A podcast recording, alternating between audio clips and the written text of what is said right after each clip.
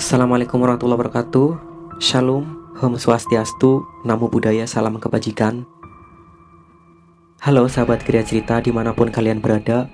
Senang banget di kesempatan kali ini Kembali lagi di podcast horor kriya cerita. Bareng aku Ainul Yakin di sini yang akan membacakan sebuah cerita horor kiriman dari sahabat kriya cerita Rahel. Tapi sebelumnya aku mau ngucapin terima kasih buat sahabat kriya cerita yang selalu setia mendengarkan podcast kami. Ikuti terus podcast kami untuk mendengarkan episode-episode terbaru. Buat yang mendengarkan via channel YouTube Kriya Cerita Channel, terima kasih buat kalian yang udah subscribe. Buat yang belum subscribe, jangan lupa subscribe Kriya Cerita Channel supaya aku lebih semangat lagi buat berbagi cerita horor di sini. Dan sekarang langsung aja kita dengerin cerita dari Rahel. Cerita ini terjadi beberapa bulan yang lalu, tapi masih melekat sangat jelas di ingatan aku.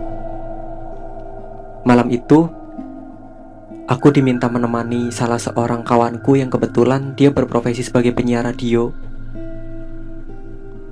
Sebut saja kawanku itu bernama Vito.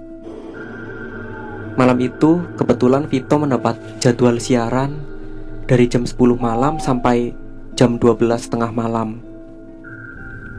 Dan berhubung di studio sepi Cuma ada operator yang menemani Vito siaran Jadi supaya lebih rame lagi Aku sama seorang kawanku lagi yang bernama Andre Diminta datang ke studio.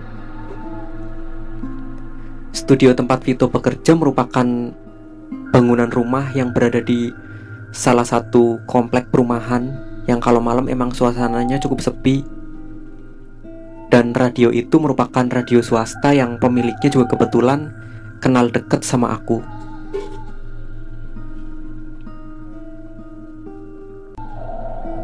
Bangunan studio radio ini memiliki dua kamar. Kamar yang satu berfungsi sebagai ruang siar dan kamar yang satunya lagi berfungsi sebagai ruang pembuatan iklan.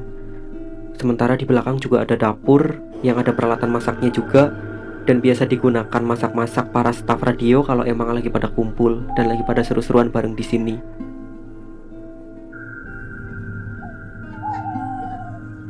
Kalau siang suasana di studio ini cukup rame. Banyak anak-anak yang nongkrong di sini.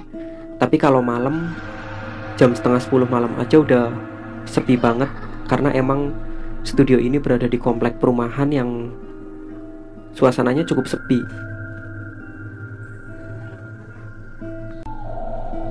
Saat itu aku sama Andre sampai di studio sekitar jam 10 malam. Dan saat itu Vito udah masuk ke ruang siar Ditemani sama satu operator Sebut aja dia namanya Dimas.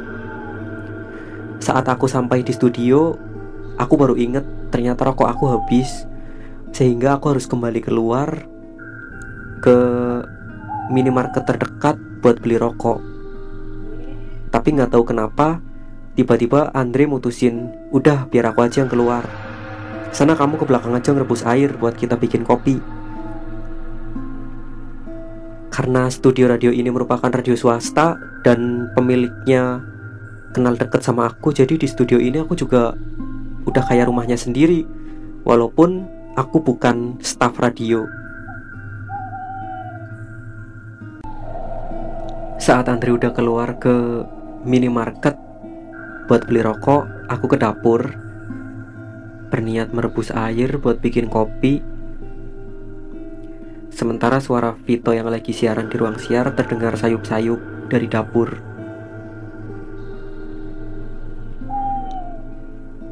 Saat itu di dapur aku dengar kayak suara gaduh gitu di pojokan dapur. Tapi aku sama sekali nggak ada pikiran apa pun. Karena yang ada di pikiran aku ya paling ya itu tikus gitu kan. Tapi semakin lama suara itu semakin gaduh banget. Dan itu membuat aku penasaran. Akhirnya aku menoleh kan. Saat aku menoleh ke sumber suara gaduh itu Aku terkejut sekaligus bener-bener takut. Karena saat itu, di pojok dapur, aku melihat sosok pocong yang mukanya asli hitam banget. Sosok itu terlihat menembus tembok secara berlahan.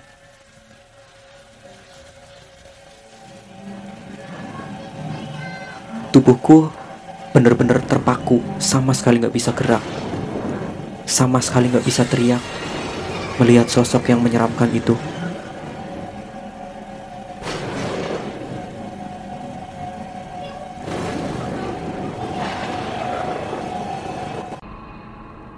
Untungnya saat itu Andre datang, terus dia langsung ke dapur dan dia langsung tanya sama aku, "Kenapa lo? Kok mukanya pucat banget?"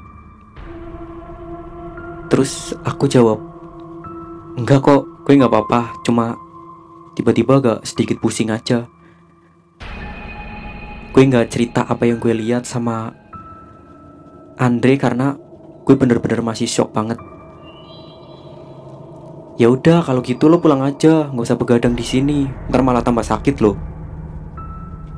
Dan kebetulan banget Andre ngomong seperti itu, akhirnya aku pamit buat pulang dan semenjak itu aku bener-bener nggak berani kalau hari udah cukup malam terus main ke studio